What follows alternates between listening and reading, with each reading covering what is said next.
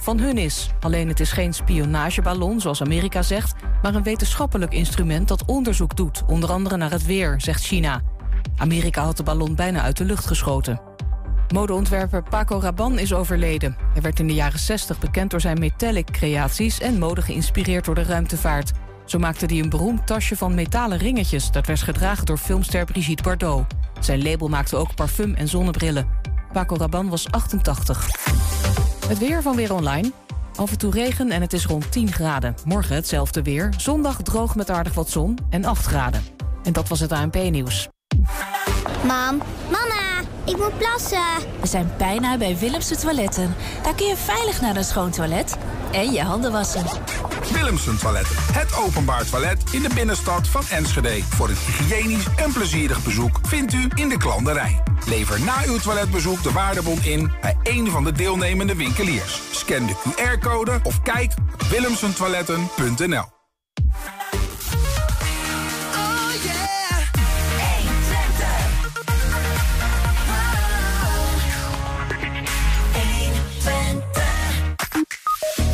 20 jaar geleden bijna overleed onze eigen Willem Wilmink. Zometeen herinneringen aan Wilmink en diens theater-tweelingbroer Harry Banning met ome Willem, oftewel Edwin Rutte. FC Twente werkt toe naar de ontmoeting met hekkensluiter FC Groningen in een wat roerige week. Ron Jans vertelt hoe dat ging. Stichting Shelter Suits bracht warmte in Oekraïne en we praten erover met Joep Meek die net terug is. En een paar honderd hengeloze kinderen komen dagelijks naar school zonder te hebben ontbeten. Te gek voor woorden vindt de voorman van Lokaal Hengelo, Glenn de Dekker. Het is vrijdag 3 februari en dit is 120 vandaag. 120. 120 vandaag. Ja, een erg leuk onderwerp. We gaan uh, naar Jazzpodium de Tor. Want dat is vanavond het decor voor een speciale voorstelling van Edwin Alexander Maria Rutte. Beter bekend als Ome Willem van de film. Die inderdaad. Wie in Enschede en omstreken aan Ome Willem denkt, denkt ook direct aan diens hoofdgeitenbreier Harry Branink. En dan ook aan Willem Wilmink, onontkoombaar. De orgelman, deze vuist op deze vuist. Allemaal uit een Enschedese pen en een Groningse strot. Rutte komt uit Groningen en hij is hier. De Enschede Groningen Connection. Edwin Rutte, welkom. Dankjewel. Wat leuk dat je er bent. Nou, dat is wederzijds. Goed katholiek gezin, oorspronkelijk? Nee hoor. Nee, nee hoor, die Maria nee, is per ongeluk. Ja, het was, was een grapje. Het is nooit eigenlijk echt, uh, echt uh, in de praktijk gebracht. Alleen uh, de, de, kerken waren altijd zo mooi. Dus het waren eigenlijk culturele bezoeken. Maar niet direct dat ik daar ging doopfonduwen of zo. doopfonduwen? Je, je houdt van taal, hè?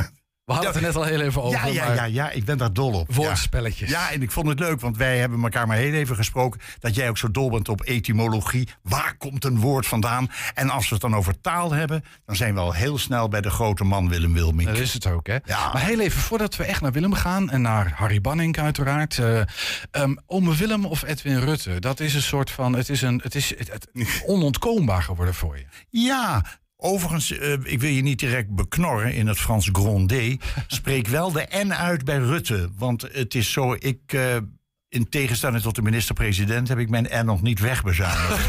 dus wat dat betreft zou ik het... Normaal gesproken zou ik het niet erg vinden als je Rutte zegt. Maar in dit politieke verband liever niet. Maar goed. We maken de Rutten van ome Willem of Edwin Rutten. Ik laat het verder aan jou. Ik heb het bijna gezegd. Oh, nee, verdorie. Het punt is gemaakt. Het punt is ja, gemaakt. ja.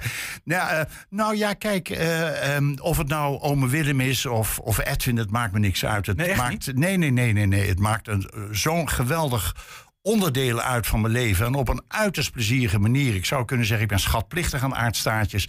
die op een gegeven ogenblik opbelden en zei... Edwin, heb je wel eens iets voor kinderen gedaan? Ik zei, ik heb er twee. en die zaten toen in de doelgroep. Hoe oud zijn die nu? Uh, die zijn 54 en 51. Onvoorstelbaar. Nee, ja, kreeg ze toen ik een jaar of 12 was. Ze waren toen heel ver.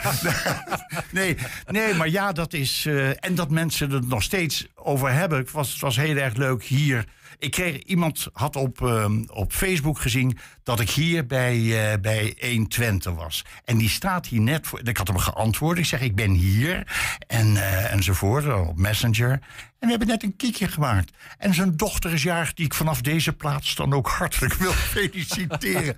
maar dat gaat altijd maar door, met kiekjes maken enzovoort. Ja. En ik, mijn, mijn vaste standaardkreet die ooit een keer spontaan in mijn hoofd naar boven kwam was... voor mij is het altijd lintjesregen, want ik vind het vreselijk leuk, leuk. Oké, nou dan ik, wat ik had willen vragen, zegen of vloek en zo, maar je hebt het hier dus Niks- uitgebreid. Nee, nee, al. helemaal niet. Hè? Nee, nee, nee, op geen enkele wijze. Nou ja, ik kan Is- me ook best voorstellen dat het soms eh, voor, voor mensen die heel erg met hun personage continu worden geconfronteerd, dat je denkt van nou, dan wil ik ook wel een keer wat anders. Want je Dat bent zijn- veel meer dan oma Dat zijn, die, dat, zijn die, dat, zijn de, dat, zijn de, dat zijn de mensen die dan ook eigenlijk eerst via die personage door willen breken. En daarna zeggen ik vind het vervelend. Ja. En dat is toch licht hypocriet. Wat? Ja, ja oké. Nou, eh, je bent veel meer. eh, muzikant, eh, de Tor vanavond. We gaan het hebben over... eh, je bent hier omdat Willem Wilmink dit jaar, 20 jaar geleden, overleed. En jij hebt Wilmink goed gekend. Ehm, ja. Of zeg ik daar te veel mee? Nee, nee, nee. Ehm, ik was 17 jaar. En ik kom op een ochtend in het Vossisch Gymnasium in Amsterdam de klas in. En ik zie iets bijzonders zitten op dat podium. En het is helemaal niet een soort navullen achteraf of hinein interpreteren later. Niets daarvan. Dat is gewoon. Er zat een man op dat podium met een soort halo om zijn hoofd. Zo'n zo'n zo'n lichtkransje, zal ik maar zeggen. Een bleke huid en die zat daar gewoon in zijn boek te lezen. Enzovoort. En nam, we namen plaats. En dat was Willem Wilmink. Dus die ontmoette ik toen ik 17 was. En hij was op dat Vossius Gymnasium in verband met... Met, eh, hij studeerde aan de Universiteit eh, Nederlands. Oh, Nederlands, en en ik, ik weet niet of hij stagiaire was op dat moment. Dan dat hij, of dat hij daar al echt vast was. Want ik was. Maar hij was daar als docent. Hij was daar, ja, ja, ja, ja, ja. Hij was daar docent. En die zag ik zitten. Op het bank, eh, op, op dat podium in het klaslokaal. Bijzonder verhaal. En dan, en dan vele jaren, ik, ik, ik neem even aan, vele jaren later. Jij was twaalf toen je kinderen kreeg. Ik ben nu even in de war. Want wanneer begon je dan met... eh, nee, maar vele jaren later hebben jullie elkaar nieuw, opnieuw ontmoet. Maar dan in het kader van Ja. nou ja, teksten, liedjes, Ja. film van Ome Willem. Alles wat Door de film van Ome Willem. Daarvoor, daarvoor nooit meer, alleen op school en toen. Eh, en wat, wat En ik toen dacht je, dat is die man van dat podium dan. Ja, ja dat, dat, dat weet je dan. Je, on- je onthoudt eigenlijk wat je altijd het beste van school onthoudt, zijn je docenten, zou ik maar zeggen. Het is, het is toch een beetje ook een, een, een, een tukker eh, die, die daar in het westen kwam. Hij had altijd dat aura tukker om zich heen. Zijn tongval, zijn denkwijze soms. Maakte dat ook wel eens voor leuke momenten wat je met hem meemaakte? Nou, eh, dat, ja, dat is altijd dat met leuk. Ik, dat weet ik eigenlijk niet. En Of momenten. of- nee, het is, eh, je, wordt, je wordt geïntrigeerd door iemand of niet. En hij had iets om zich heen hangen. En dat, hij is niet de enige. Er, er, was best nog wel één of een andere docent ook op school die dat had. Maar bij Willem schiet het je vooral te binnen omdat je later eh, met hem eh, omging. En de, ja, toen door ome Willem ontmoette ik hem voor het eerst. En dat was toen geweldig leuk. Je, je moet nooit in een dialect gaan praten wat je niet beheerst. Maar ik doe het toch maar even. Maar het, ja, dus vergeef me bij voorbaat. Heel even, ik, ik waarschuw je alvast. Meneer Rutten, ik waarschuw u. De man eh, hier tegenover ons is Groningen. Dus Ja, nee, dat mag, dat mag. Jij bent Groningen. Ben- nou jongen, ik kan me nog dikke stukken vertellen, ja. Ja, daarom. Ik ben, ik ben nu knoltrok, dus... eh, Oh, nou ja, de moest nice shoes. Hey, jongens, we zijn hier in Twente. Ja, nou, dat, dat, dat, maar goed, ik heb me geëxcuseerd. Het verhaal van, Harry, van, eh, van Willem en deze vuist op deze vuist. Aardstaatjes vroeg. Ehm, eh, Willem, kan jij niet een, eh, een liedje maken? Gewoon eenvoudig, eh, dat de kinderen iets mee kunnen doen. En nou, dat was goed. En later was er weer een schrijversbijeenkomst. En Aard zegt, Willem, heb je een liedje? Ja, ik heb wat. En hij haalde dat uit zijn binnenzak vandaan. En hij zei... deze vuist op deze vuist. Deze vuist op deze vuist. Deze vuist op deze vuist. En zo klim ik naar boven, is dat wat? En dit is echt waar, zo ging dat. Ja. En toen was het vijf seconden stil. Muis stil. Kan ik hier ook geld voor vragen? is het niet enig? Want, want simpel is gecompliceerd, is altijd mijn motto. Dus dit was zo'n simpelheid, maar zo doeltreffend... dat je dan de bescheidenheid hebt om te zeggen... kan ik hier geld voor vragen? Dan ben je een grootmeester. Ja, ik vraag me werkelijk af of er iemand is in Nederland die het liedje niet gewoon mee kan zingen. ja, maar het, pedagogisch helemaal niet zo verantwoord. Want het gaat helemaal niet naar eh, boven. Ja, daar ben ik veel over. Ik richt me nu tot het onderwijs. Daar ben ik, daar ben ik veel over lastiggevallen. Eh ja, meneer Rut- Ehm, eh, ja, wat ik nou zo raar vind eh, uit het onderwijs. Ehm, u zingt over naar boven en de melodie gaat naar beneden. Ik zeg, ja, dat is uh, Harry Banning. Ja, ja maar, maar het is zo dat de, de, u zingt over naar boven en de melodie gaat naar beneden. Dat tot drie keer toe. En toen moest ik heel even nadenken. En toen zei ik: Ik ben liever Harry Banning dan u. en dat is een hele lelijke, onaardige opmerking. Maar dat ik denk: Ja, zo wat. Ik weet niet of ja, nou, het is eh, waarschijnlijk mensen verschillen, zullen we het daarop houden. En sommige mensen vinden rechtlijnig heel prettig en Je bent een langmoedig man. Ja, dat, nou, laten we het daarop houden. Maar uh, misschien ook even naar, naar, naar Harry Banning, de hoofdgeitenbreier. Dat was in die jaren nog de hoofdgeitenbreier, zonder N, denk ik net. Maar goed, is dat, dat gaan we nou over en, en, en, zonder in. Uh, maar hoe, hoe, Harry Banning, wanneer, wanneer, wanneer, hoe kwam Harry Banning op het toneel? Harry Banning kwam op het toneel. Die, uh, die werkte heel veel met tekstschrijver Tony van Verre. En Tony van Verre was een grootmeester, ook in, in, in liedjes maken. Zo fantastisch goed. En in 1974, rond die tijd, was er een uh, tweewekelijks radioprogramma. Dat heette Hoe Later op de Avond. En er werden liedjes gezongen en muziek gemaakt door Harry Bannek, teksten Tony van Verre. En daar is later een LP van gemaakt. Uh, hoe later op de avond zong ik die fantastische mooie liedjes van hem en van Tony van Verre. En nou ja, toen was ook ome Willem in die tijd er. En uh, daar zag ik echt Harry ook, maar in een andere setting dan van ome Willem. Dus we, we, we deelden het een en ander. En ik denk dat ik van Harry, nou, bij Klokhuis heb ik er een heleboel gezongen. Bij Ome Willem misschien wel 150. Is er een favoriet van al die liedjes? Is er iets waarvan je zegt, ja, dat is misschien een vraag die je vaker gesteld wordt? Nee, is me niet gesteld. Nee, ik nou, ben ook blij dat ik er nooit op over hoef nadenken. nou, dat zal ik je vertellen. Deze vuist op deze vuist.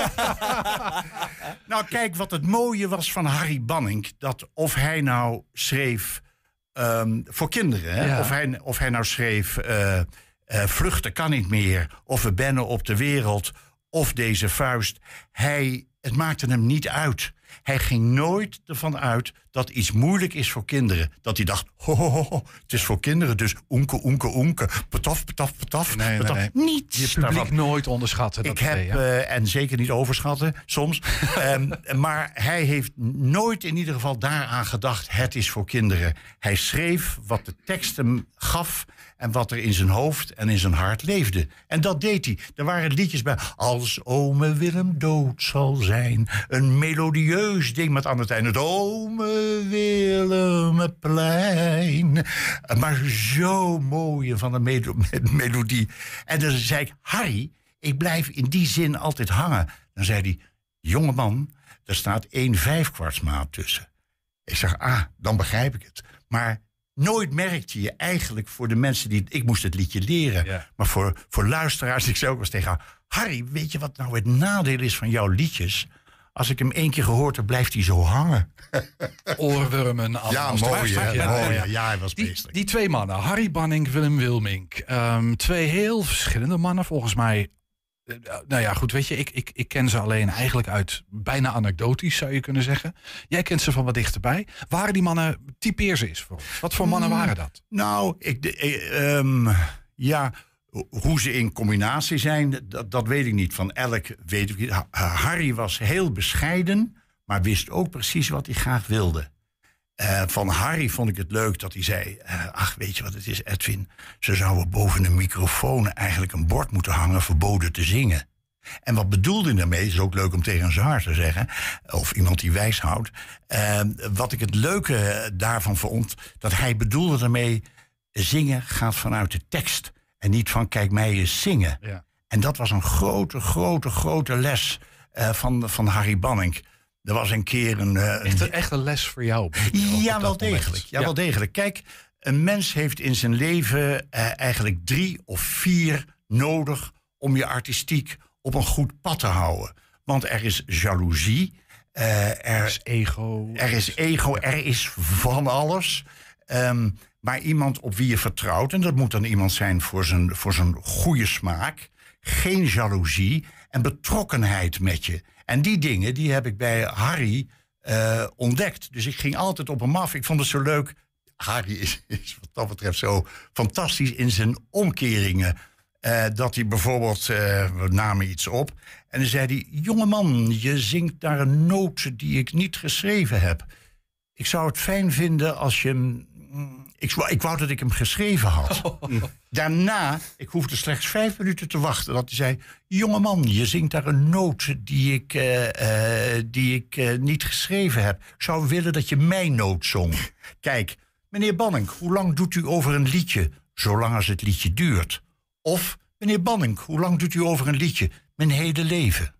Kijk, dat, dat, is, dat is wijs. Dat is heel wijs. En altijd met een, toch ook weer met een gereden twijfel daarachter. Dat vind ik altijd mooi. Mensen die daar toch ook twijfel hebben over. Lef over hebben hun- om niet over- zo zeker dingen. te weten. Ja, Ja, precies. Ja. Maar dus echt een soort hoofdgeitenbreier, inderdaad. Nou, Een- ik zou, nee, nee, gewoon, een, eh, gewoon in dit geval niet een geitenbreier, maar gewoon een fantastische muzikant, mens.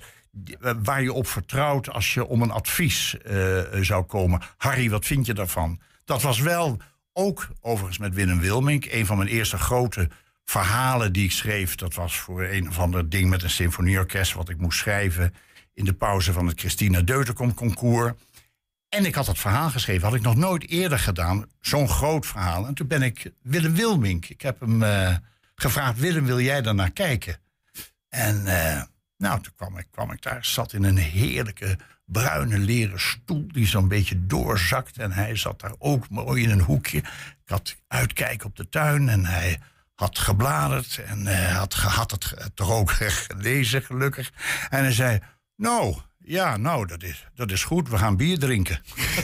en we gingen, we gingen ogenblikkelijk gingen we weg. En naar een uitspanning waarvan ik niet meer weet welke dat was, hebben we heel gezellig een biertje gedronken. Maar dat, dat- nou mooi. En, en klaar, weinig woorden. Ja, en, niet eh, meer woorden dan nee, nee, nee, noodzakelijk, Nee, nee, ja. nee. Maar hij is, hij is natuurlijk wel de man die het onzegbare eh, zeggelijk maakt. Hè?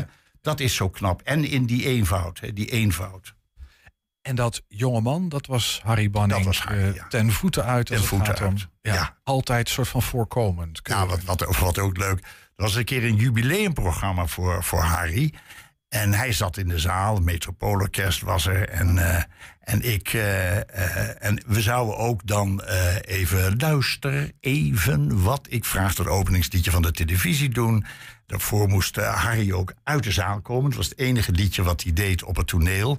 Ik zong overigens daar ook Vluchten kan niet meer. Ik weet niet meer met wie.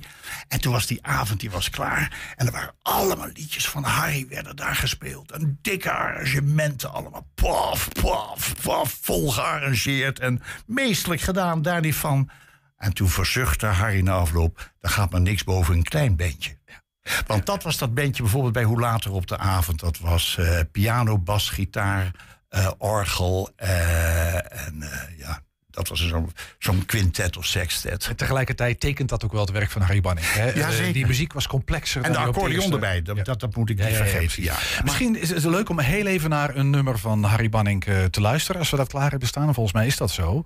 Ehm, een stukje, fra- een fragment van de Orgelman.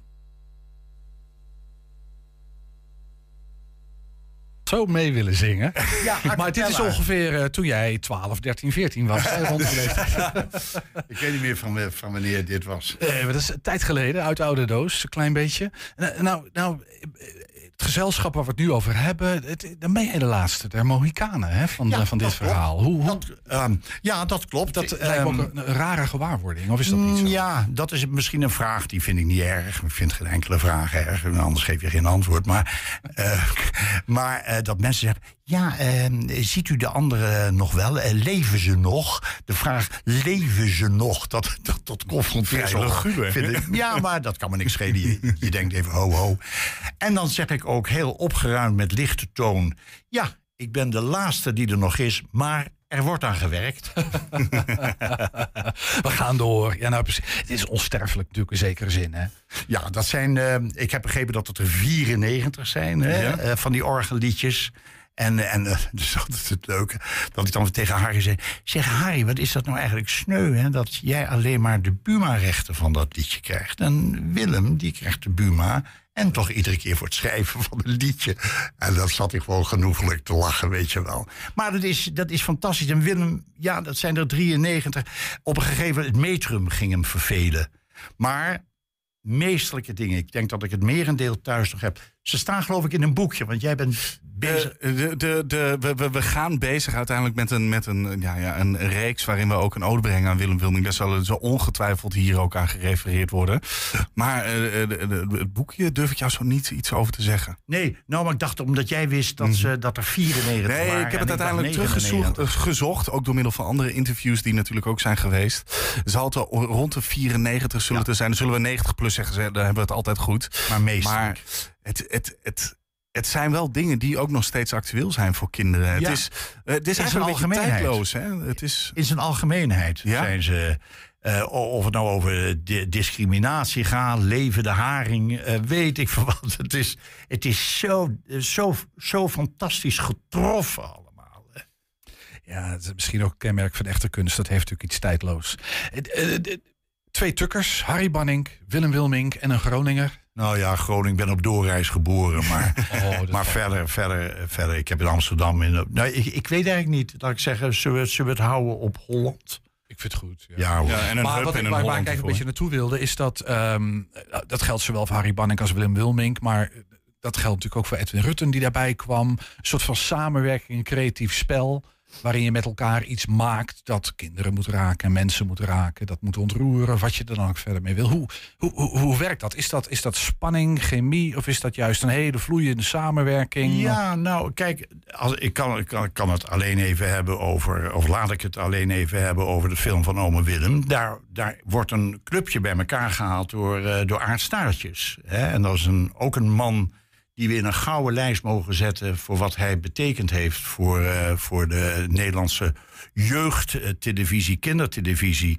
En, en Aart werkte natuurlijk aan met de stratenmaker op zee en J.J. de Bom.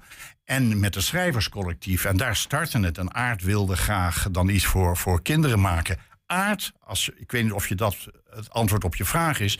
Maar Aart, die had dus die, dat, die types goed bij elkaar gebracht. Eh, het bandje, en tegen mij zei hij, zeg, jij hebt vroeger gedrumd. En dat klopt, dat deed ik vanaf mijn, vanaf mijn 16e jaar. Dat hij zei, dan ga je achter het drum zitten, het spaart een muzikant uit. Vind je niet enig? dat is eigenlijk de enige reden waarom ik daar achter, die, achter dat blokkerwinkeltje zat. Nou, ehm, en Aart die had dus drie types genomen. Dat was het vrouwelijk element aan de hand van Jennifer Willems. Eh, August uh, Piekedassen, dat was een soort, soort wijsheid. Een wat oudere ziel met wijsheid.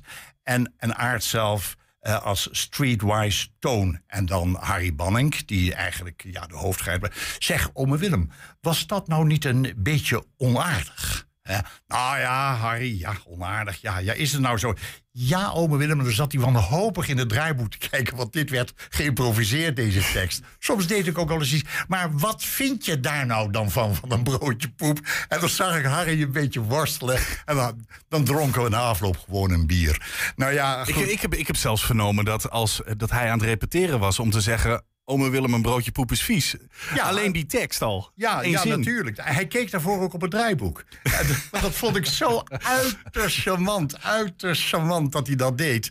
En eh, nou, ome Willem... Maar Harry, vind je dat dan echt zo vies? Ja, ome Willem, dat is vies. Eh, nee, dat is vies. Zo Enig. De grote banning die dat doet. En Aart die dan tegen hem had gezegd van... Ja, ja, ja, ja, ja. Moet je luisteren. Hij zat nooit in beeld, hè? Ehm, nou, eh, Harry, eh, laten we dat nu doen. Het is een experimenteel kinderprogramma. En trek je een smoking aan en dan ga je achter die piano. Leuk, leuk, leuk. Harry niet wetend dat hij zich in een wespennest heeft gestoken. En twintig jaar lang. hè? dat heeft 20, even 20 geduurd. jaar hè, ja. lang, dat ja. Hey, tot slot, eh, Edwin, vanavond in de toren. Wat gaan we doen? Nou, ehm, eh, ik ben een man van, eh, v- van de jazz. Eh, Dat was het allereerste wat ik deed. eh little baby.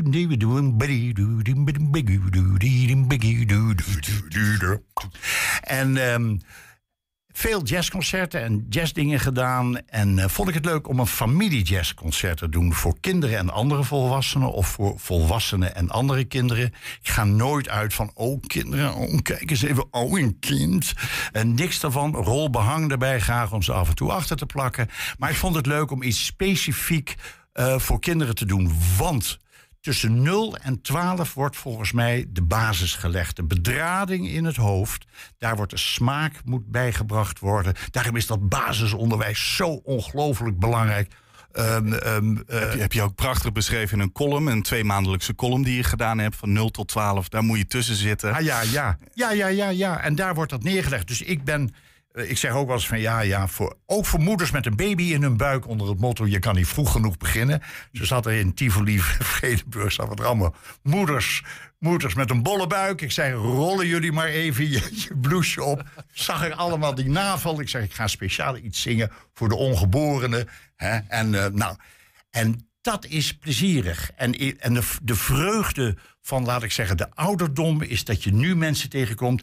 Ik weet nog dat. En dat is zo vreselijk mooi dat je het gevoel hebt, ik wil dat niet zwaar maken, maar dat je het gevoel hebt dat er iets geoogst wordt voor wat je zelf zo heerlijk hebt gevonden. Want ik ben gewoon negen jaar, ik heb meer vliegenuren, maar ik weet precies wat ik hoe, hoe, hoe ik de wereld zag toen ik drie, vier, vijf, zes of zeven, acht. Je weet wat oneerlijk is. Je weet wat jaloezie is. Je begrijpt een heleboel dingen niet. Maar je voelt, je hebt wel het emotionele palet. Maar je kan dat nog niet in je hoofd invullen. En daarom is het van het grootste belang. Vanavond in de Tor. Fantastisch jazzpodium. Is daar al tijden en tijden.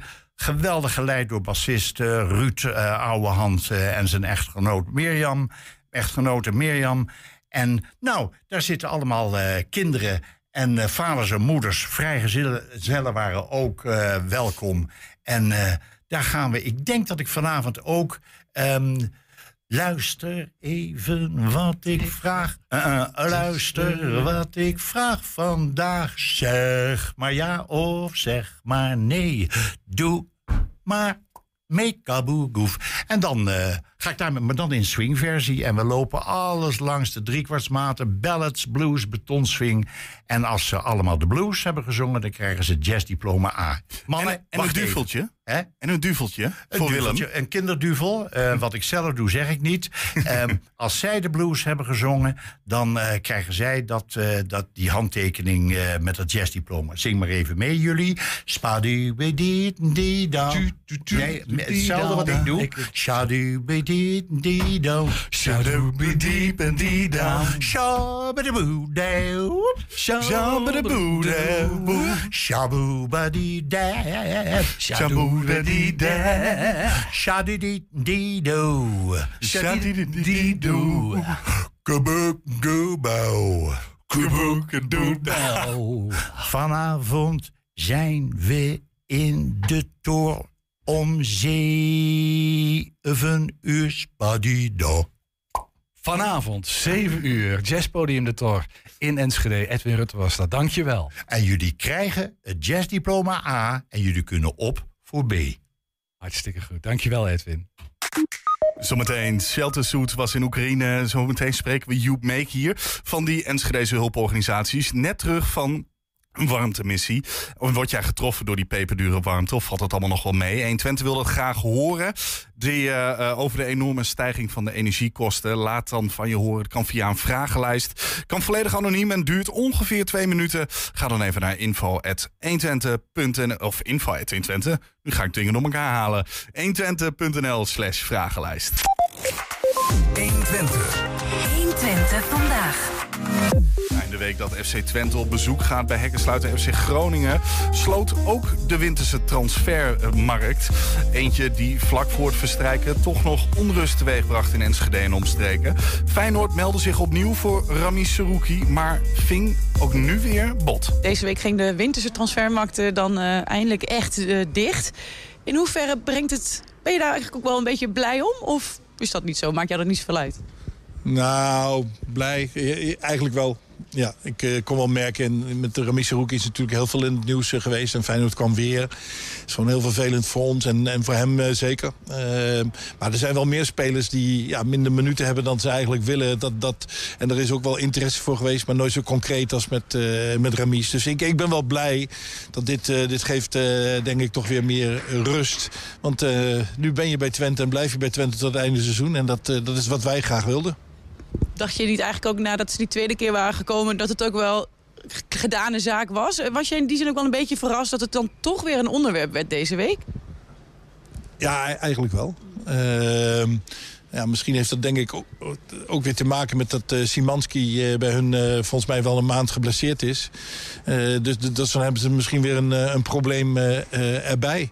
Maar ja, om, op een gegeven moment, voor, voor onze, onze intentie was altijd om ja, dit seizoen gewoon met onze sterkhouders een geweldig seizoen ervan te maken. En ja, dan, dan, gaat het soms wel eens ten koste van het individuele belang. En ja, dat is in het geval van, van Remiso. Laatste over uh, Seruki dan. Want ja, dat, dat zorgt ook dat ik weer dat wij ook een beetje ook die vragen aan het herhalen komen van moet je dan weer met hem om tafel? Was dat dan dit, deze week ook weer aan de hand? Dat je het ook weer even de jongen wat aandacht daarin moet geven? Of... Ja, ik heb, ik heb ja, vanmorgen even kort met hem gesproken. Maar verder niet zo. Want je krijgt steeds weer hetzelfde. Hè? Ik, ik heb al zoiets van, oh, ja, wat moet, wat moet je nu weer tegen elkaar zeggen? En, uh, nou, hij heeft al een aantal keren dit nu meegemaakt. En hij zet het steeds fantastisch op om. En, en ik hoop dat dat nu uh, ja, ook weer lukt. Je noemde al even, we wilden onze sterkhouders uh, houden. Dat is gelukt. Uh, toch ook wat jongens vertrokken die niet of bijna niet uh, ja, ook echt aan bod kwamen. Ehm, maar misschien bijvoorbeeld Solis, die je door een blessure natuurlijk heel lang niet kon gebruiken. Maar um, hoe sta jij tegenover zijn vertrek? Ja, nou ja, als ik had gezegd hij moet erbij blijven, dan was hij er gewoon bij geweest. Alleen, we hebben gewikt, we hebben gewogen. En ik, ik zag die jongen gewoon ehm, ja, een beetje wegkwijnen. Hij is geblesseerd geweest. Het, is, uh, de invalbeurten waren ook nog uh, heel moeizaam na zijn, uh, na zijn blessure. Daarvoor was hij ook geen basis. Virgil uh, die speelt gewoon een goed seizoen. Ehm, ja, die, die, ik, ik zag Elle eigenlijk eerder dat hij echt weg zou kwijnen... dan dat hij nog eh, heel veel zou betekenen voor ons. En dan, dan is het menselijke eh, aspect is ook uh, belangrijk. En, uh, dus ik hoop dat hij het bij Norwich weer goed gaat doen. En, en voor ons geeft het weer ruimte aan andere jongens... om weer misschien hun kansen te pakken. Ja, want uh, inderdaad, Jan heb je natuurlijk gewoon om daar neer te zetten. Maar bijvoorbeeld Cleonise zou iemand kunnen zijn die dan zou kunnen spelen. Toch zien we hem nog niet heel veel in actie dit jaar. Hoe staat hij er bij jou op, wat dat betreft, qua kans op speeltijd? Ja, qua talent heel goed. Uh, maar hij moet nog steeds uh, ja, uh, werken aan, aan de dingen die we hebben aangegeven. En hij, hij, weet waar, dat om gaat. Maar dit, hij, ik begrijp ook wel dat hij af en toe denkt van... Ah, hij komt aan de beurt, hij komt aan de beurt en, en, en ik te weinig. En dat, dat, dat moet hij bij, bij ons en bij mij afdwingen zijn jullie met hem heel erg mee bezig om aan te geven... van waarin jullie vinden dat hij een ja, ontwikkeling uh, moet doormaken? Ja, we zijn met alle spelers uh, daarmee bezig en met hem ook, ja. Dan even de, de spelers die je tot je beschikking hebt. Uh, zijn er afwezigen dit weekend? Ja, Wout Brama, dat weten we. Maar ook Julio Plekers-Willow is niet klaar voor de wedstrijd tegen, tegen Groningen. wat is er precies met hem? Ehm, hij is er niet klaar voor. Okay. Helder. En, en wat Brahma betreft, want dat was natuurlijk de afgelopen weken al van ja, een beetje voorzichtig mee aandoen. Valt daar iets over te zeggen dat je een, een moment in beeld hebt van uh, wanneer jullie hem dan nu misschien wel weer terug verwachten? Nee, kan ik, kan ik echt niks over zeggen. Durf ik in, in zijn situatie ook haast niet. Maar hij is van de week uh, alleen maar bij ProF. Dus uh, niet, niet, bij ons op de club uh, wezen trainen. Nog niet bij de groepstrainingen. Dus dat, dat heeft wel zijn tijd nodig. En ja, we, we, weten allemaal hoe het is. we willen Wouter zo graag bij. hij is, hij is ja, vaker aan het revalideren dan aan het, aan het voetballen. En dat, dat is zo jammer voor hem. De wedstrijd zondagmiddag Groningen. Ja, daar is best wel veel aan de hand. Uh, hoe kijk jij daarnaar? Misschien ook wel een beetje, je hebt natuurlijk ook een geschiedenis zelf daar. Ja, nee, dat doet, doet gewoon pijn. Uh, ik hoorde net voor de training dat uh, ja, Mark-Jan Vladeris, dat, dat, dat is nu ook voorbij. En de druk werd ook wel heel groot op, op hem, denk ik. Maar het gaat om de club. En de FC Groningen moet echt in de eredivisie blijven. Alleen ja, zondag, ik ben trainer van Twente, ja, daar hebben we geen medelijden bijna een beetje gek om te zien, hen op de laatste plaats. Of... Ja, nee, toen, ik, uh, toen ik begon bij Groningen hadden we afgespeeld één punt en, uh, en zijn we erin gebleven. Dus dat, is, uh, dat erin blijven is denk ik een, een goed advies. Maar ja, dat kan iedereen wel geven, denk ik. Zoals je vaker ziet, denk ik zeker bij clubs die in de positie zitten waar zij in zitten... is gebruik maken van die winterse transferperiode om versterkingen te halen. Dat hebben ze behoorlijk nou ja, toch wel goed gedaan. Mm, hoe kijk jij daarnaar? Want voor jullie moeten natuurlijk voorbereiden op die wedstrijd... en dan zijn er toch weer nieuwe opties mogelijk. Ik ben het uh, totaal oneens met jouw stelling. Want uh, dat zijn allemaal versterkingen en dat hebben ze heel goed gedaan. Ja, dat moet nog gaan blijken. Want Nou, ik bedoel veel gedaan. Ze hebben er wel heel veel gedaan. Ja, alleen of het versterkingen zijn, dat moet er gaan blijken. Eh, hoe goed zijn ze, hoe fit zijn ze. Eh, het elftal moet weer... eh, ja, je moet elkaar leren kennen. En, en hoe beter je elkaar kent, ja, dat, dat voetbalt een stuk makkelijker. Dat zie je bij ons. Hè. We, we hebben de groep aardig bij elkaar eh, gehouden. Eh, dus dat, dat moet het allemaal nog bewijzen. Maar het is wel zo dat... ah, ik, ik denk toch nu ook... eh, eh, ze hebben weer een nieuwe kans. Eh, en en het publiek, dat, dat zal er echt achter staan. Alleen ik, ik weet zeker dat ze bij tegenslag qua vertrouwen heel, heel kwetsbaar zullen zijn als ploeg. Nou, ik zal niet meer beginnen over dat het een uitwedstrijd is. maar het is wel zo. eh, ja, nee, ja, de- eh, op een gegeven moment kunnen we ook niet onderuit. We hebben echt geen, geen complex, maar met name de gelijke spelen. Ja, dat, dat, dat laat je soms net wat liggen. Alleen, ja, wij zijn ook geen toverploeg. Maar ehm, ja, wij zijn ook wel goed genoeg om wat vaker te winnen eh buitenshuis, denk ik.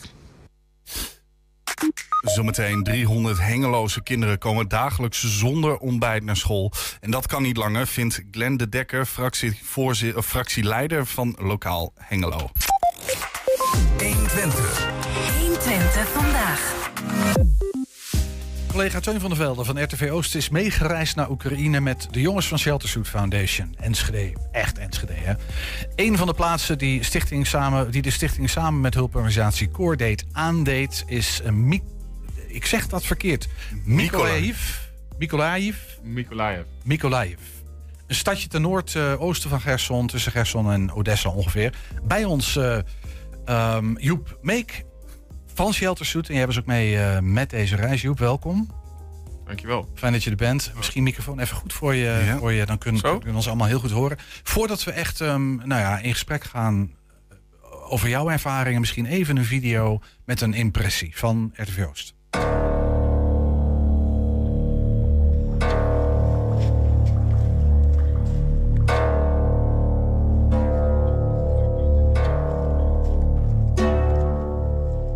Ja, schokkerend. We hebben net verhaal gehoord dat hier eh, de, ehm, de bom is ingeslagen. Dat dit een eh, ziekenhuis was.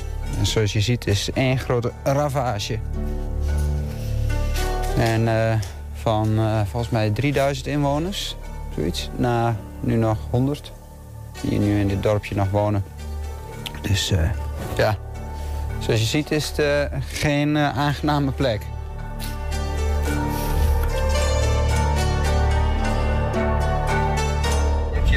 En bunkers onder de grond.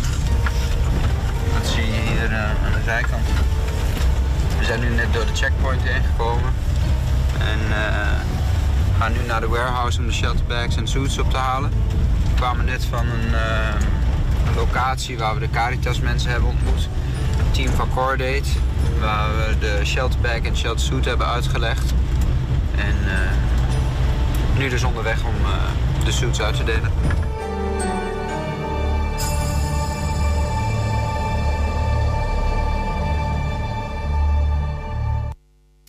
Ja, een korte impressie natuurlijk. Ehm, en op zich in zekere zin bekende beelden, helaas. Hè. We kennen ze allemaal van, ra- van, van, van televisie en eh, internet. Ehm, Joep, jij was daar. Ehm, eh, heel even voordat we... maar dit- Volgens mij was dit de tweede keer dat jullie lading shelter suits eh, daarheen hebben gebracht. Klopt, hè?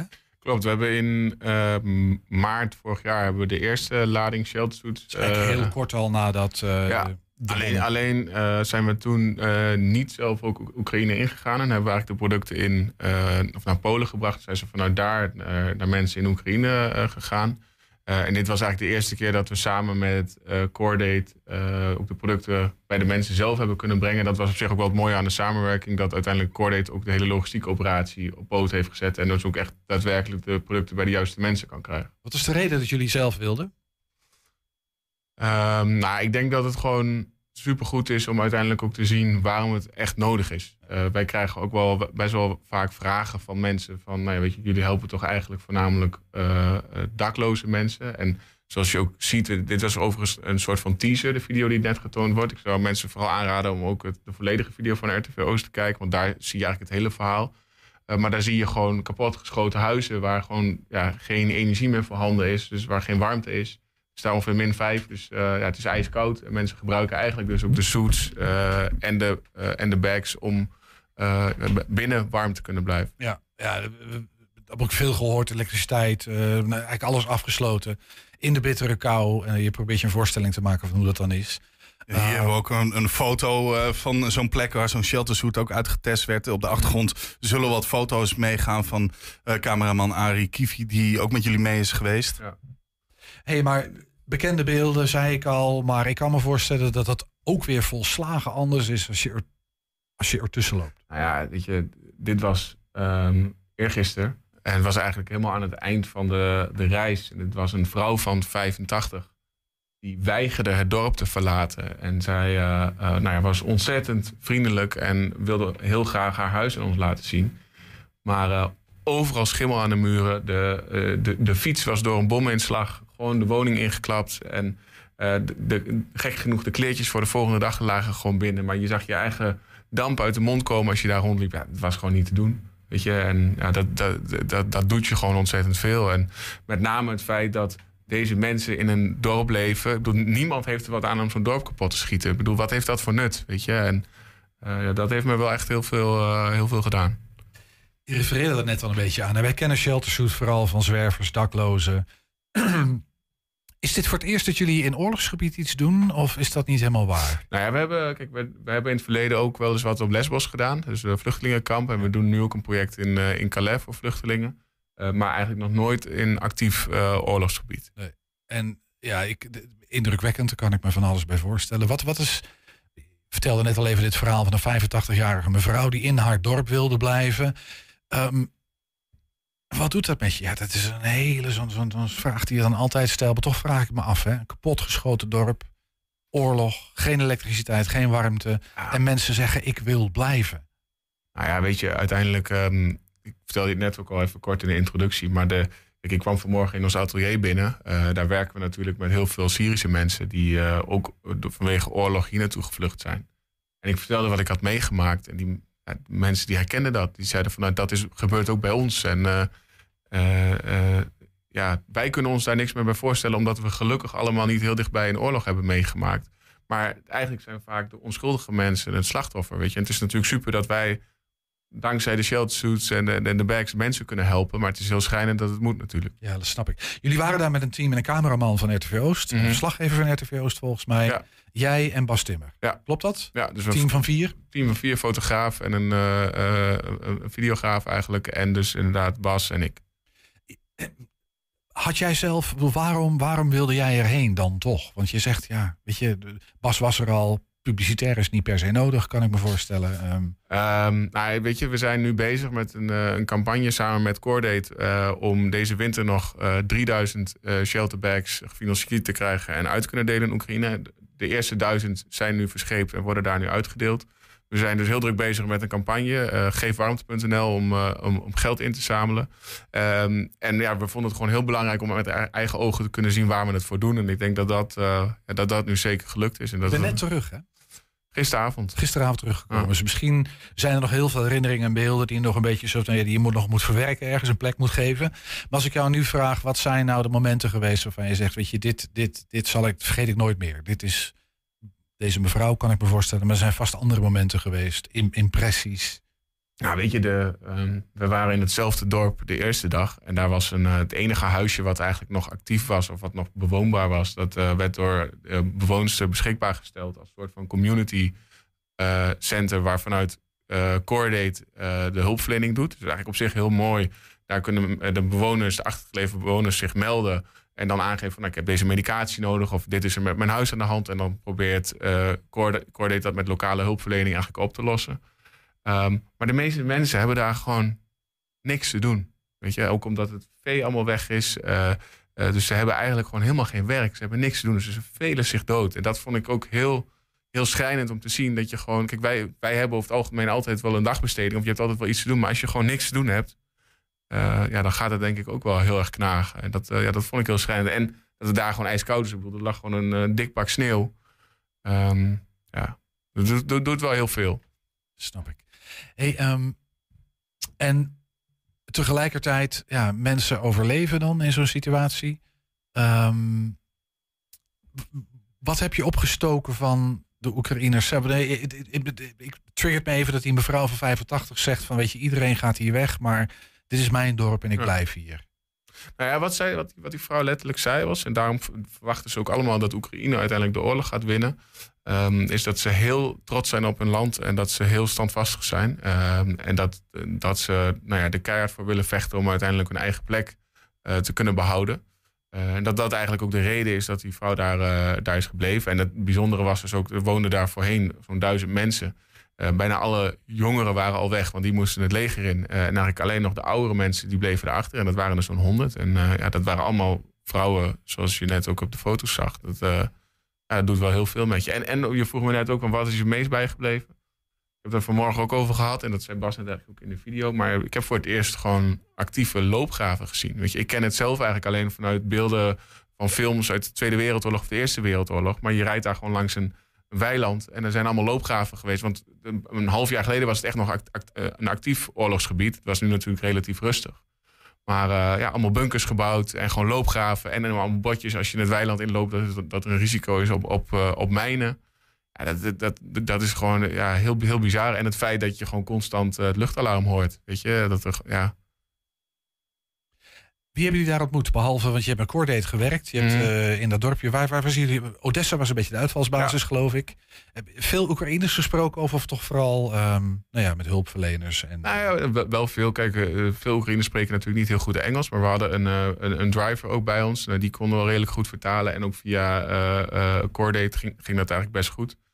En het bijzondere is nog, weet je, wij sliepen in Odessa. eh, en eigenlijk merk je in Odessa, is best wel een grote stad, daar merk je er eigenlijk niks van. Natuurlijk zijn er kapotgeschoten gebouwen. En, eh, eh, maar daar gaat het leven eigenlijk gewoon door.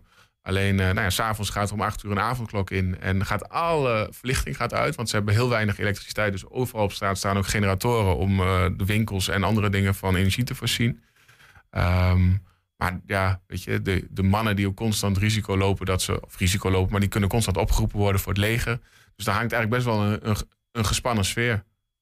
Ja. Dat, eh, Wat is jouw beeld van ehm, het toekomstperspectief van, eh, dat, dat, dat de Oekraïners zelf hebben? Wat, wat, wat, wat heb je opgepikt van ze?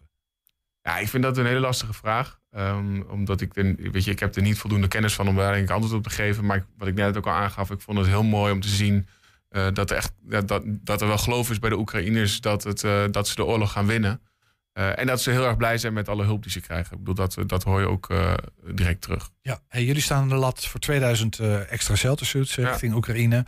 Ehm, waar kunnen mensen een bijdrage leveren? Wat moeten ze weten als zij zeggen van nou, dat is een goed idee, wij doen Ja. mee? Nou ja, als ze naar geefwarmte.nl gaan, dan kunnen ze daar een donatie doen. Eh, een shelterbag kost eh, 100 euro. Eh, daar kunnen we de mensen echt ontzettend goed mee helpen. En het mooie van het initiatief is dat het dus een samenwerking met Cordate is. Dus dat wij er ook zeker van zijn dat de producten uiteindelijk bij de juiste mensen terechtkomen. En dat hebben we de afgelopen dagen natuurlijk ook met eigen ogen kunnen zien. Eh, maar ik zou het super vinden als we met z'n allen nog een beetje warmte geven aan Oekraïners die het eh, echt nodig hebben. Geefwarmte.nl. Yes, dankjewel. Joep Meek was dat van eh, Stichting Shelter Suit Foundation hier in Enschede. Dankjewel eh Joep. We zijn ook als podcast te luisteren via alle bekende platforms. Je vindt daar de hele uitzendingen en elke dag één item uitgelicht op 120 vandaag uitgelicht. Heb je een tip voor onze redactie? Dat kan natuurlijk ook. Mail dan eventjes naar info.120.nl en stuur daar gewoon wat heen, dan zien wij het vanzelf. 120. 120 vandaag. Meer dan 300 Hengeloze basisschoolkinderen gaan dagelijks zonder ontbijt naar school. Dat is een schatting die is gemaakt op basis van een steekproef ehm, bij zeven Hengeloze scholen. Raadslid Glenn de Dekker van Lokaal Hengelo vindt dat dat aantal zo snel mogelijk naar nul teruggebracht moet worden. Maar hij vindt de wethouder nog niet helemaal aan zijn zijde. Glenn de Dekker is bij ons. Goedemiddag. Goedemiddag. Fijn dat je beklopt had wat ik zeg. Dat klopt. Ja, dat is een goede samenvatting. Nou, mooi. We kijken heel even naar een klein, voordat we echt in gesprek gaan, even naar een klein stukje uit eh, het, een, een, een raadsdebat van afgelopen woensdag in Hengelo. Ik vraag mij af of dat het bij het college toch niet een beetje wringt dat de ene dag ehm, de groeiambities eh, de wereld ingestuurd worden en dat de andere dag er een krantenkop staat ehm, het Rode Kruis deelt ontbijttassen uit op school. Een Rode Kruis die een noodhulporganisatie is. Ehm, ik vind dit past niet bij ons als gemeente. waarom blijven wij wachten om iets te doen? Ik begrijp wat het college zegt. Um, laten we wachten tot 1 april. Maar wij, en ik herhaal mijn oproep, wij met z'n allen kunnen vandaag, wij kunnen volgende keer in de raad de budgetten plannen om het Rode Kruis te voorzien van de middelen die ze willen. Want het is een uitgestoken hand van het Rode Kruis naar de gemeente. Help ons alsjeblieft om dit te doen, nu. Want er zijn blijkbaar kinderen die het nu nodig hebben. En die niet kunnen wachten tot wij met z'n allen eens een studie gedaan hebben tot 1 april. Nee, die kinderen hebben nu eten nodig. Ja, Glenn, hoe kijk je naar als je terugkijkt? Je, je was aangedaan. Ja, dat klopt. Kijk, ik ben, uh, ik ben van nature cijferman en ik werk met data. Um, zonder veel emotie, maar dit, dit doet mij iets. Um, zelf kinderen? Ik heb zelf kinderen, maar ook net in jullie uitzending, mijn jeugdidool Ome Willem, hm. die zei het ook uh, uh, treffend. De basis van een kind wordt gelegd tussen 0 en 12 jaar. Als kinderen geen ontbijt hebben ochtends of zelfs niet weten wat dat ontbijt is, dan gaan die met honger naar school, dan zijn die niet geconcentreerd, dan leg je geen basis. En ik krijg de indruk dat er een spelletje struisvogelpolitiek gedaan wordt in Hengelo door het college. Steek maar je kop in het zand, dan zien we het probleem niet. En er gebeurt niets. Terwijl dat het probleem zich nu manifesteert en dat wij een organisatie nodig hebben als het Rode Kruis om ons daarbij te helpen. Die budgetten hadden al vorig jaar vrijgemaakt kunnen worden op vraag van lokaal Hengelo. En dat is niet gebeurd. Te traag. Ik, ik, ik zit even te denken, ik moest net, we hebben het net over een oorlogssituatie gehad, Cordate, maar ook een soort Rode Kruis, zeg maar hulp. En dat is een Hengelo ook nodig. Dat steekt jou? Dat, dat, dat steekt mij. Wij, wij zijn een rijke gemeente. Wij hebben een begroting van 350 miljoen euro. Um, al onze financiële parameters zijn op orde. Wij hebben, um, of het college heeft, groeiambities uh, met luchtkastelen tot in het oneindige. Maar wij slagen er niet in om onze eigen kinderen die honger hebben en naar school gaan eten te geven. En dan neem ik het college kwalijk. Nou zegt het college, um, er wordt onderzoek gedaan, we willen precies weten waar dit gaat. We moeten wat dingen in elkaar steken, het moet wat georganiseerd worden. Um, ehm, 1 april, dan weten we meer en dan kunnen we beslissen met elkaar. Maar jij zegt, dat duurt te lang. Ja, maar als een duveltje uit een doosje kwam die datum van 1 april. Die was voordien niet bekend? Die was voordien niet bekend. Sterker nog, we hebben Ehm, eh, de begrotingsdebatten teruggeluisterd, waarin de wethouder reactie gaf op onze motie. Daar is er niet gesproken over 1 april. Maar dat terzijde.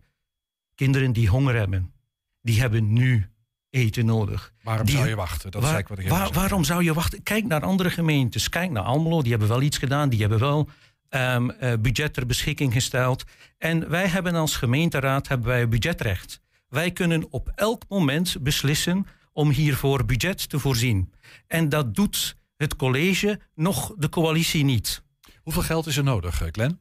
We hebben uitgerekend, um, kijk, hoe komt de motie tot stand? Een motie komt tot stand in samenwerking met het ambtelijk apparaat. Het ambtelijk apparaat heeft op basis van, op, voor onze motie nagevraagd bij zeven integrale kindcentra van wat is jullie indruk? Hoeveel kinderen gaan er naar school zonder ontbijt? Daar is uh, uitgerekend 50. Dat is 5 procent. Als, we uit, als je uitgaat van hoeveel basisschoolleerlingen zijn er, 6.500, 5 procent, zijn er goede 300 kinderen. Een goede 300 kinderen uitgerekend die, die dan naar school zouden gaan zonder ontbijt. Maar als het er nu 300 zijn, of het zijn er 10 of het zijn er 5, elk kind die naar school gaat zonder ontbijt is er één te veel. Ja, volgens mij is dat helder. Ik denk dat geen weldenkend mens dat met je oneens zal zijn. Maar mijn vraag was hoeveel geld is er nodig? Uh, we hebben uitgerekend 150.000 euro voor het eerste jaar dit vorm te geven. Ja. Um, en waarom 150.000 euro voor het eerste jaar? Is omdat we het simpelweg nog, die, nog niet weten. Dit is een proces waar wij als, als lokaal Hengelo sinds september mee bezig zijn dat we vroegen aan het college: Hebben jullie zicht op hoeveel kinderen die zonder ontbijt naar school gaan? Antwoord was nee. Hebben jullie zicht hoeveel kinderen zonder lunch naar school gaan? Het antwoord was nee. Willen jullie daar iets aan doen? Willen jullie het in kaart brengen? Het antwoord was nee. Waarop wij als lokaal Hengelo gezegd hebben: van dan moeten wij iets doen. Mhm. En wij kunnen nu budgetten te beschikbaar, beschikbaar stellen voor het volgende jaar. Totdat wij in de zomer en oktober, november in kaart hebben van hoeveel is het dan? En dat kunnen we in de langdurige begroting inplannen. Maar dan, kan je, dan heb je tenminste nu 150.000 euro om iets te geven aan die scholen die daar echt om vragen van help ons, help ons budgetten vrij te maken. Ja, dit- helder, denk ik. Ehm, nou hebben jullie een motie ingediend hè, die, die dat zou moeten regelen, maar die motie heeft het niet gehaald. Klopt. Eh, eh, jij kijkt naar het college, snap ik. Eh, en tegelijkertijd, ja, dan, dan is de raad, de raad is aan zet. En jullie zijn de baas hè, als raadsleden. Als de raad zegt van ja, sorry, leuk idee, maar gaan we niet doen. Ja, dan houdt op. Dus dat klopt. Wat waren de motieven om, om, om dit niet te doen? Dat klinkt logisch. De, de, de, de grotere motieven van de partijen waren... laten we die, eh, die pilot afwachten... Die de 1 april, die, die, eh, die, die, die pilot afwachten die, de, die bepaalde scholen doen in kader wat ze noemen de rijke schooldagregeling. Er, is er, eh, en zijn er fondsen van het Rijk ter beschikking gesteld van bepaalde scholen om in kader van die rijke schooldag, die een, vreed, veel breder initiatief is dan enkel ontbijt, om die te voorzien eh, op school. wanneer, wanneer die, die pilot loopt nu, of die moet nog starten? Hoe, wat, dat? Wat eh, de wethouder afgelopen woensdag zei in de, de raadsvergadering, is dat die pilot eh, en het onderzoek bezig is. Ehm, ehm, ik ga ervan uit dat dat ook zo is. Ehm, maar dat betekent dat wij wel sinds november tot en met april, dat is een maand of vijf, moeten wachten eh, voordat er daar iets uitkomt. Maar het is niet omdat er op 1 april dan iets ligt, dat er daar ook budget voor is. Dus dan moeten we weer met elkaar in, de, in, in het debat over hoeveel budget stellen we beschikbaar. En het gaat ons veel te traag. Helder verhaal. Ehm, dus het motief is pilot loopt. Dat moeten we afwachten en daarna gaan we beslissen. Ja. En jij zegt, ja, dat, dat duurt te lang. Dat moet gewoon nu gebeuren. Die kinderen hebben nu ontbijt nodig. Daar komt het op neer. Ja, maar kijk, ondertussen zegt, eh, weet je, ik, ik las net vanmiddag ehm, eh, duurzaamheidsambities van het college, een Global Goals gemeente. Nou, als Hengelo een Global Goals gemeente is, nummer twee staat in de Global Goals geen honger. Ja, Hoe leggen wij uit dat onze kinderen in de gemeente honger hebben en dat een noodhulporganisatie als het Rode Kruis ontbijttassen komt uitdelen aan de school? Dit, dit is niet Hengelo waardig. Dit moeten wij niet willen. En daarom heb ik het, het, het emotionele ehm, oproep gedaan aan de rest van de raadsleden van wij kunnen hier iets aan doen. Wij kunnen hier echt iets aan doen. Wij kunnen morgen beslissen om dat op te lossen. Maar blijkbaar volgt, het college, volgt men het college en wacht maar rustig af tot 1 april. We kijken heel eventjes nog naar een reactie van de wethouder eh, van afgelopen woensdag, volgens mij, als ik het wel heb. Ja, ik heb al aangegeven, ik vind het een, een, een mooi initiatief. U koppelt dat heel erg aan, aan noodhulp, alsof het bijna oorlog eh, zou zijn in, eh, in Hengelo. Volgens mij is dat niet de situatie. Het is een eigen initiatief van het Rode Kruis, vinden we een goed initiatief. Maar uiteindelijk moet het ook iets bestendigs eh, zijn. Hè. Het Rode Kruis betaalt dit nu eh, op haar, eh, vanuit haar eigen eh, middelen. Dat is heel nobel. Eh, maar we weten ook allemaal dat we daarmee geen toekomstbestendige voorziening gaan krijgen. Want uiteindelijk zullen we daar ook zelf iets in moeten gaan doen. En ook het onderwijs en de instellingen daarin moeten iets eh, gaan doen. En dat gesprek vergt gewoon iets meer tijd... dan meteen acuut eh, volgende week gaan handelen, meneer De Dekker. Dus daar hebben we gewoon even wat ruimte voor nodig. Ja, volgens mij een helder betoog. En als ik het even samenvat, Glenn, als ik het niet goed doe, dan corrigeer je me maar. maar dan zeggen jullie eigenlijk van ja, stel nu budget beschikbaar dat er een structurele voorziening moet komen, helder. Ehm, maar dat is pas later en daar gaan we later over beslissen. Maar doe ondertussen alvast wat. En eh, nou ja, daar krijg je de raad nog niet mee. En de wethouder is ook niet geneigd om dat te doen op dit moment. D- d- dat klopt. Weet je, de mensen hebben de balen ervan dat de politiek alleen maar praat. Dit is precies een voorbeeld waar er gepraat wordt zonder te handelen. Wat wij als lokaal Hengelo vragen, is dat er nu gehandeld wordt, een budget beschikbaar gesteld wordt, zodat het Rode Kruis hun werk kan doen. We kunnen daar eh, een uitgestoken hand eh, naartoe geven, budgetten ter beschikbaar stellen, dat ondertussen die kinderen ontbijt hebben en, en met voldoende energie en concentratie hun dag kunnen aanvangen op school. Helder, Glenn. Ehm, maar goed, je hebt het geprobeerd. Kruid verschoten. Antwoord was nee. Heb je nog alternatieven? Nou, wij zullen eh, blijven vechten eh, voor dit onderwerp, want dat is echt een speerpunt van ons. Het gaat ons echt aan het hart. Wij zullen iedere keer elke gelegenheid aangrijpen om dit op het agenda van het college te brengen. En eh, wij gaan nadenken over andere eh, middelen om dit te gaan doen. Welke partij heb je mee?